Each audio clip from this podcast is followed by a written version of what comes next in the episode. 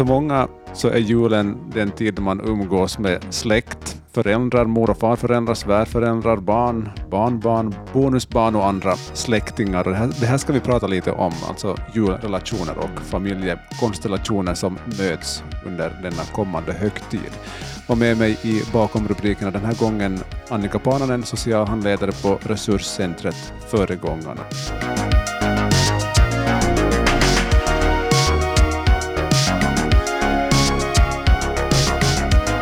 Är just relationer och ibland kanske besvärliga sådana något som kommer på tal så här inför julfirandet?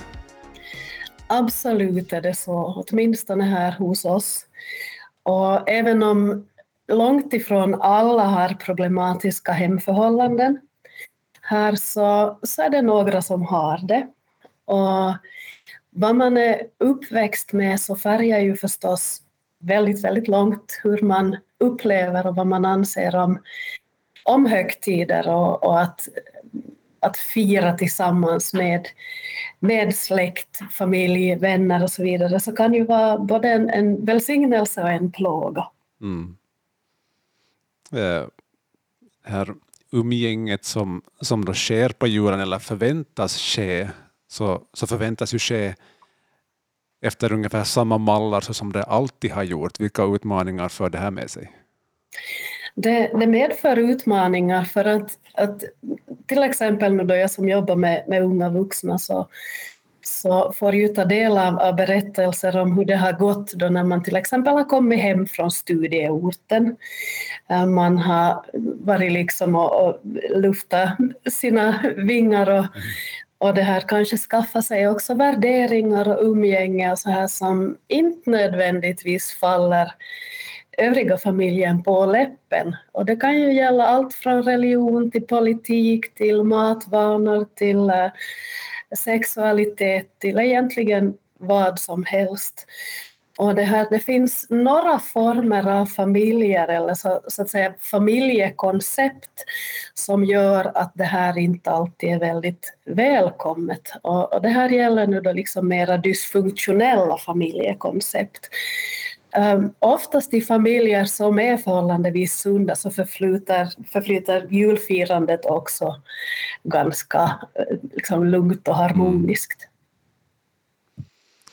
Um, Ja, kan man, kan man ge några exempel på, det, det var bra att du tog upp några samtalsämnen där, politik, religion, ekonomi, kanske sånt som, som kan trigga igång ganska hetska diskussioner? Eh, ja, eh, förstås, och på tal om hetska diskussioner, så hetsiga ja. diskussioner också, så ska jag gå in lite på det här hur, det kan se ut i, i olika familjer. Eh, det här med, med alla familjer har ju sina egna scheman. Och, och, I vissa familjer så kan värderingarna sitta väldigt, väldigt hårt. Och det är av, av olika orsaker. Men, men man brukar prata om, om, tre olika dysfunktionella familjekoncept. Och det ena är, är det likgiltiga. Och, och, där är det nog så att, att barnen ganska långt blir liksom eh, hur ska jag säga, de, de får klara sig själva och komma och gå som de vill. Mm. Och föräldrarna kanske inte riktigt kan eller orkar engagera sig.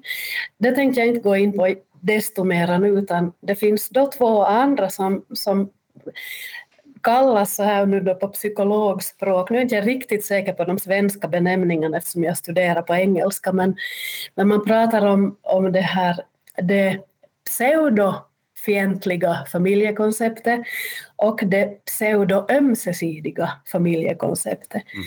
Och, och det här fientliga och um, och ömsesidiga då, liksom oäkta sorten, så, så handlar väldigt mycket om att försöka täcka över sånt som man inte vill prata om, som inte man klarar av att processa. Det kan vara sjukdom, det kan vara otroheter, det kan vara liksom katastrofer och så vidare. Och, och man klarar inte av att härbärgera det här och man klarar inte av att processa det så att man täcker över det med ganska rigida konstruktioner som handlar om roller man tilldelar till exempel barnen eller barnens eh, partners och så vidare för att upprätthålla en viss typ av jargong och ett, ett visst skådespel, om man nu vill liksom prata om, om roller och skådespel. Och det här, eh, när det gäller det pseudofientliga så, så där har vi de här familjerna som alltid käbblar. Alltid käbblar om småsaker, hela tiden och, och det behöver inte liksom alls vara eh, de här stora temana man pratar om, men det pågår en ständig maktkamp och en ständig kamp om utrymme. Och det syftar också till att, att sopa under mattan sånt som man kanske egentligen borde prata om. Och det här, där är det så där att, att där tvingas man in i sina roller via aggression, att någon bestraffar en för att man avviker och har värderingar som avviker från familjens.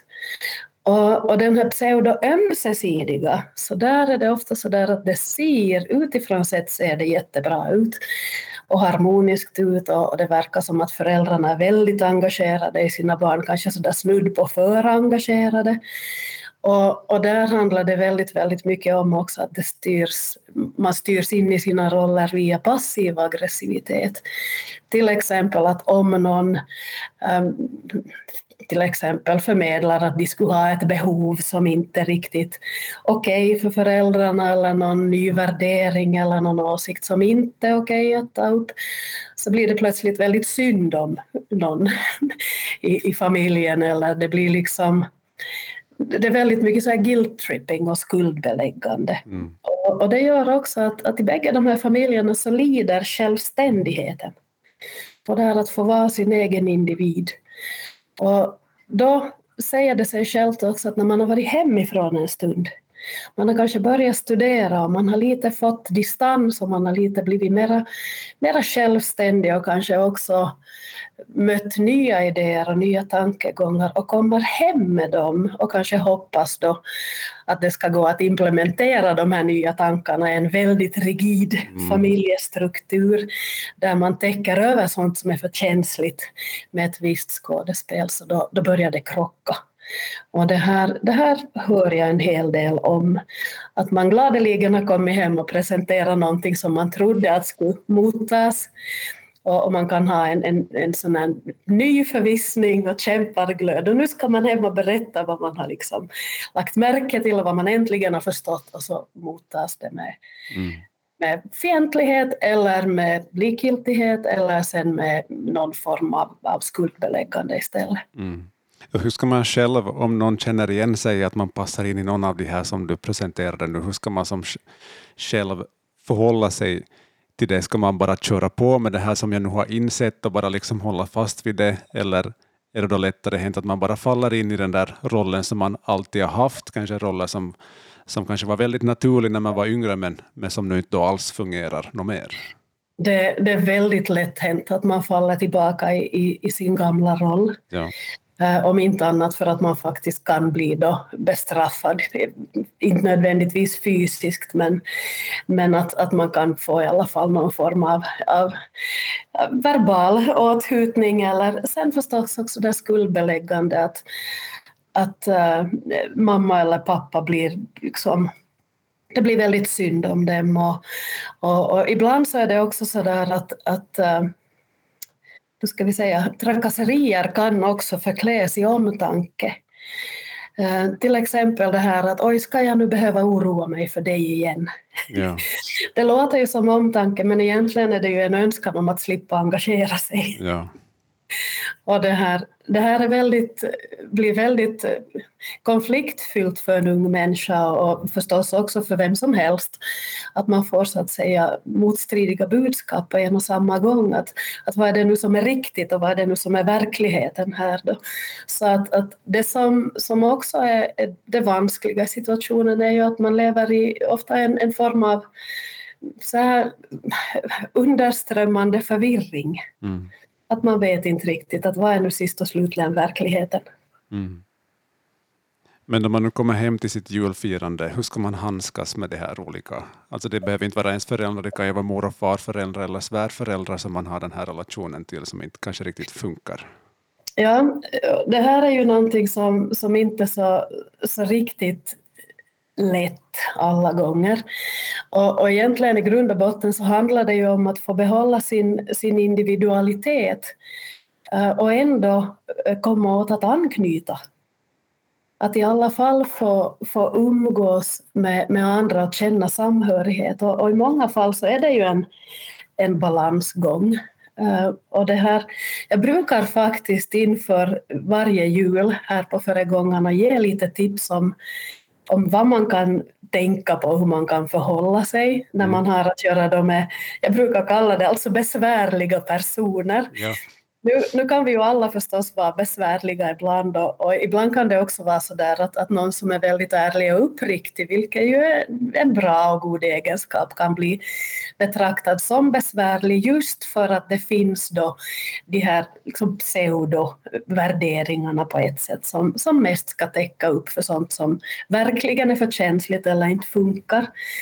Och det, här, det kan ta sig uttryck till exempel på det sättet att, att att någon, varje gång det är fest um, någonstans och man samlas, så kan det vara någon som, som har det så jobbigt med, med det här att inte kunna vara glad till exempel, eller känna att man är delaktig i det här eh, positiva, att man behöver liksom förstöra för de andra också. Alltså ja. sitter man och surar eller säger liksom passivt aggressiva saker bara för att ta ner stämningen för de andra också.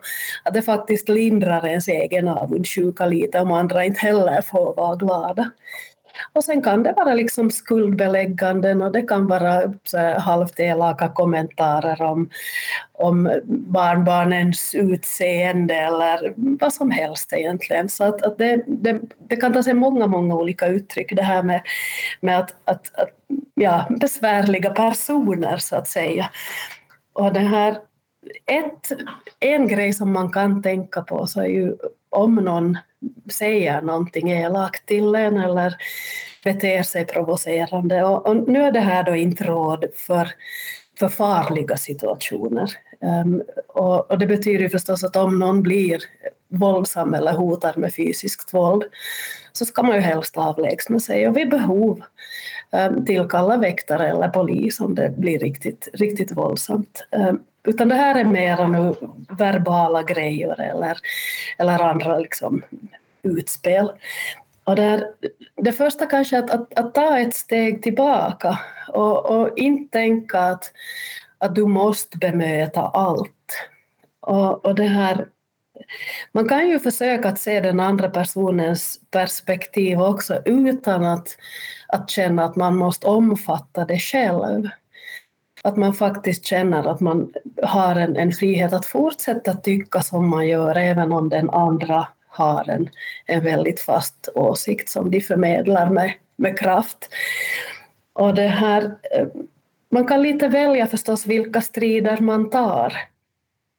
Och eh, det här är ju förstås i en sån här familj där man käbblar mycket, en sån här pseudofientlig nu då, så pågår ju såna här saker hela tiden. Och, och det här, Ibland så kan det vara också så där att en del personer känner ett, ett ganska starkt behov av att bli arga eller defensiva eller ljuga när de konfronteras med endera någonting som, som de har gjort eller med något behov som de inte kan tillfredsställa eller vill till, tillfredsställa. Och det betyder inte att du själv måste reagera likadant och bli arg eller bli väldigt defensiv eller så här, utan den, den andras reaktioner behöver inte nödvändigtvis styra dina. Du kan försöka tänka att men ja, jag kan försöka vara den vuxna här nu då, oavsett var jag finner mig i, i generationsfördelningen. Och det här, förstås, eh, om det är så här att, att man vet med sig att någon har stora problem med, med aggressioner, så, så kan man behöva ge akt lite på den personens kroppsspråk till exempel. Att, att om man börjar ska säga, du vet, korsa armarna och korsa benen och, och det här käkarna blir väldigt spända och man blir stirrig och så här, så är det antagligen så att en konflikt är under uppsegling. Och, och om man ser det här så i värsta fall så kan man kanske liksom ursäkta sig och, och gå ut helt mm. enkelt att man, man tar sig bort. Och, och, med det här att ta sig bort så, så tycker jag att, att där är det nog bra om man vet att, att man ska fira med, med människor som lätt hamnar i, i konflikt med varandra, att man, om man kan, ser till att, att ordna sin egen transport fram och tillbaka, att man inte är beroende av någon för att, att ta sig till och framförallt från en sån här tillställning.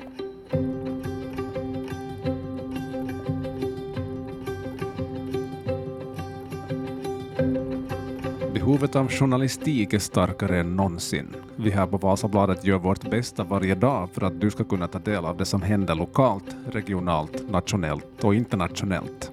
Att prenumerera på Vasabladet är det bästa sättet att stödja vårt arbete så att vi kan fortsätta bevaka händelser och skeenden i samhället. Vasabladets nyheter hittar du bland annat i Vasabladets nyhetsapp och på vasabladet.fi. Följ oss gärna på sociala medier på Instagram, Facebook och Twitter. Tack för att just du stödjer vår journalistik. Nu har du som lyssnare och inte är prenumerant möjlighet att prova på Vasabladet en månad för endast en euro. Det ger dig tillgång till allt innehåll på nyhetssajt och i VBL-appen. Allt du behöver göra är att söka dig till vbl.fi podd. Tack för att just du lyssnar på Bakom rubrikerna.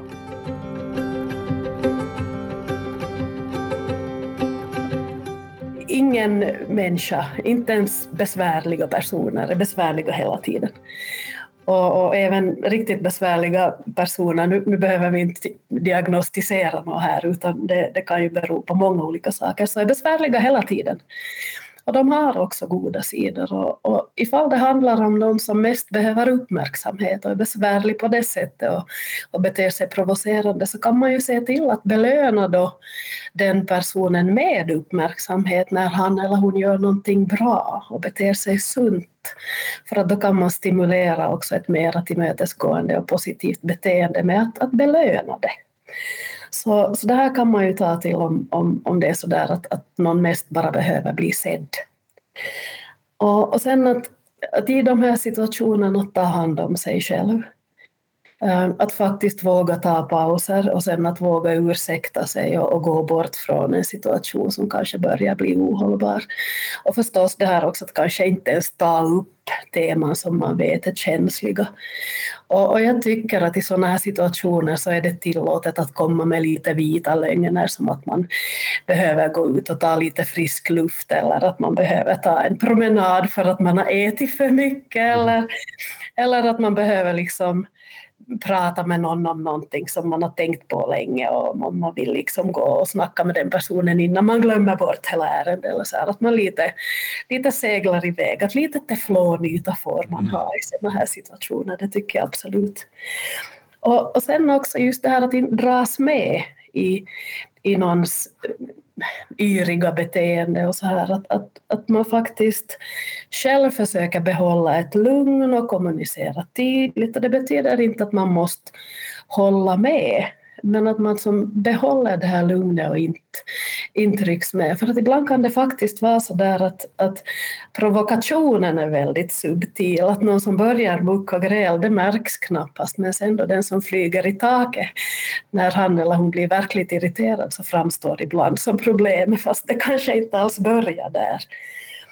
Och, och det här, sen också förstås att, att var realistisk. Du, du kan inte egentligen förändra andra människor så mycket, åtminstone inte vuxna personer. Och, och, det betyder att du kan behöva justera dina förväntningar på, på den du har att göra med. Och det här visar nog att du förväntar dig ett positivt bemötande med att, att vara positiv själv, men, men var också beredd på att en konflikt kan, kan blossa upp. Mm. Du är medveten om det och inte, inte behöver bli överrumplad. Och sen förstås att lämna diskussioner som börjar urarta. Det finns ingenting som säger att du måste undervisa andra eller att du måste korrigera någons felaktiga uppfattningar eller sådär. Att du kan också låta dem ha fel. Det är, det är tillåtet att ha fel, både för, för dig och för den, för den andra. Och det här Sen kan man också försöka att, att undvika fällor. Om man blir orättvist anklagad för någonting så behöver man inte nödvändigtvis försvara sig desto mer utan man säger att oj, att det där har jag inte tänkt på och jag kan återkomma när jag funderar på saken och, och många gånger så glöms det helt och hållet bort för att det var kanske inte ens det som, som var frågan utan det bottnar i ett behov mera kanske av att avreagera sig. Mm. Och det här Sen förstås att, att observera triggers. Om du känner personen väl så vet du antagligen vad som, som kommer att trigga den personen och, och då kan du förstås välja då att trigga eller, ja. eller att inte trigga. Det beror ju alldeles på hur besvärlig du är själv. och det här, eh, sen förstås att, att i slutändan använd humor. Um, en, en del personer tål skämt och, och förstår humor bättre och, och, andra sämre. Men ehm, om man med viss försiktighet försöker undvika att, att trigga då den besvärliga personen eller de besvärliga personerna med, med skämt som, som är gränsöverskridande så kan man ju faktiskt bidra till att lätta upp stämningen. Och, och det brukar också liksom funka för, för sällskapet som, som helhet. Det är nu i stort sett liksom det som, som är tipsen för att, att, att hantera då de här situationerna. Och sen om man blir riktigt håller på att tappa nerverna själv så ska jag föreslå att då går man in på vässan och så gör man de fulaste grimaser man, man kan där i smyg och, och visa långfingrar om det skulle behövas. Och så, här. och så får man avreagera sig lite. Ja, otroligt bra tips. Tack okay, för tack, dem. Ja. Eh, utmaningen är förstås att sen i, i stundens, kanske i stundens hetta till och med komma ihåg de här sakerna och ha dem bakom, bakom örat. Eh, ja, absolut. Och det här är ju ingenting som... Det här är ju färdigheter som ja, man övar. Ja, det är ju ingenting som man behöver kunna på en gång, utan man kan ju, man kan ju eventuellt lyssna på den här podden ett par gånger. Absolut, det här får man ta på repeat, repeat, repeat. och, och det här sen att, att komma ihåg det här att, att om du träffar någon som, som har en, en väldigt avvikande åsikt från din och, och beter sig på ett, ett synnerligen besvärligt sätt så kan det hända att, att det bottnar i trauma och i, i riktigt, riktigt tråkiga erfarenheter. Och, och det, här, det är inte alls säkert att den personen någonsin eh, kommer att förändras riktigt så där märkbart. Och då behöver man förstås fundera att eh, hur, i vilken utsträckning ska man umgås? I vilken utsträckning ska man vistas på samma platser om man inte behöver göra det? Och, och sen liksom just det här att, att justera förväntningarna. Det jag ibland säger till föräldrar till, till vuxna barn eh, är att vare sig man, man gillar det eller inte så har inte ens vuxna barn någon skyldighet att umgås med en. Eh, och de har faktiskt ingen skyldighet heller att, att respektera en med mindre än att man har förtjänat den respekten. Och, och, en del föräldrar så kan bete sig ganska så här eh, skuldbeläggande bara för att de har fostrat sina barn. Och, och det här tagit hand om sina barn och, och det ska man inte behöva ha dåligt samvete för som vuxen att ens föräldrar har, har varit just föräldrar. Um, när man skaffar barn så behöver man komma ihåg att det är ju faktiskt ett, ett väldigt långt och stort ansvar man, man ådrar sig, men man har valt det själv. Ingen har ju själv valt att komma hit och det betyder att det kan ju inte vara någons fel då heller att man är här. Och på samma sätt som, som föräldrar till vuxna barn inte kan äh, tänka att, att nu har de automatisk tillgång till sina barn med mindre än att barnen väljer det så är det förstås detsamma som gäller andra vägen. Att vuxna barn har inte nödvändigtvis heller någon automatisk rätt till sina föräldrars respekt ifall förtjänar den. Så det går ju båda vägarna det där. Ja, ja. Och många gånger så tycker jag faktiskt att, att de unga förstår det bättre. Och det har förstås också någonting med att vi är vanedjur och, och hjärnor fastnar på oss, på oss och vi blir lite mer rigida med åldern och vi är ännu mer inkörda i våra vanor och värderingar som, som äldre vuxna än som mm. unga vuxna. Mm. Så, så det där tål, tål också att, att tänka på. Och märker man så här att ens barn kanske drar sig undan eller det blir mer konflikter än vanligt eller så här så, så är det nog ofta så där som, som förälder att man behöver helt enkelt krypa till korset och fråga att att, att vad handlar det här om? Är det någonting jag kunde göra annorlunda? Är det någonting jag borde ha gjort annorlunda? Ja. Och kan vi hitta liksom gemensamma vägar framåt? Att man inte liksom bara skyller ifrån sig eller, eller förminskar eller så här. Att man mm. faktiskt försöker hålla en så öppen kommunikation som möjligt även om det är smärtsamt och det är det ibland. Ja.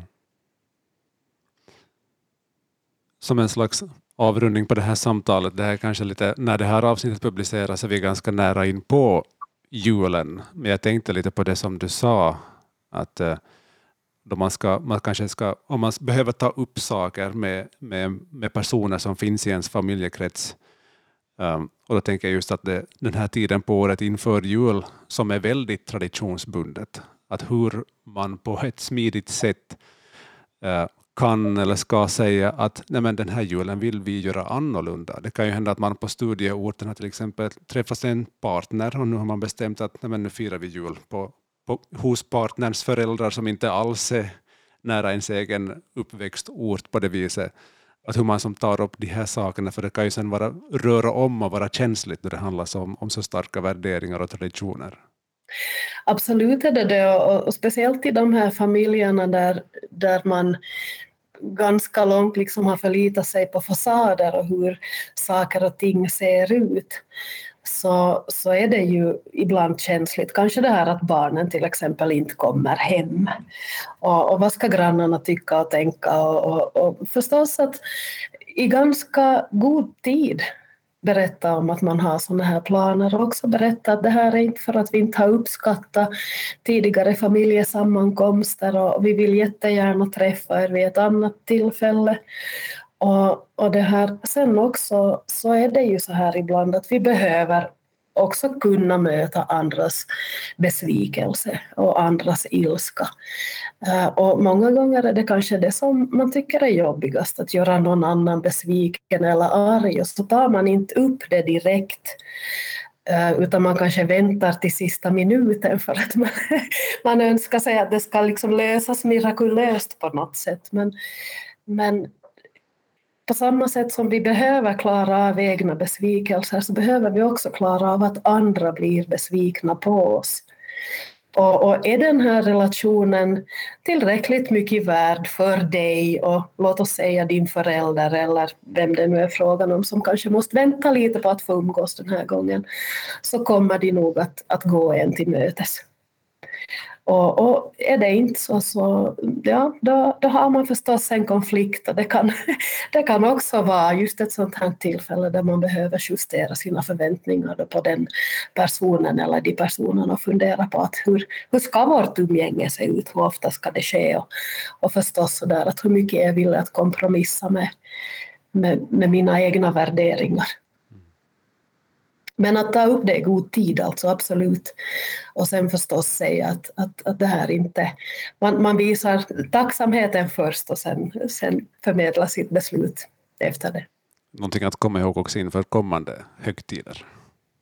Absolut, och det här gäller ju absolut inte, ingenting av det här gäller egentligen bara jular, utan det kan ju mycket väl gälla gemensamma semestrar, sommarsemestrar och alla andra sådana här tillfällen. Det, det kan gälla bröllop och, och, det kan gälla begravningar och, och det kan också det här med de här familjekoncepten, alltså, de går ju igen också i andra situationer, men det, de som har uppstått i familjen är oftast liksom, mest rigida.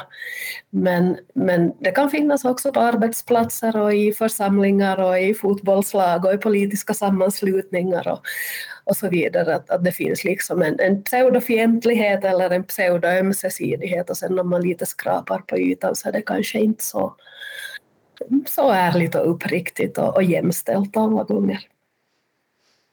Tusen tack för det här, Annika Paananen. Ja, och jag får önska alla en så god jul ni orkar och förmår ha.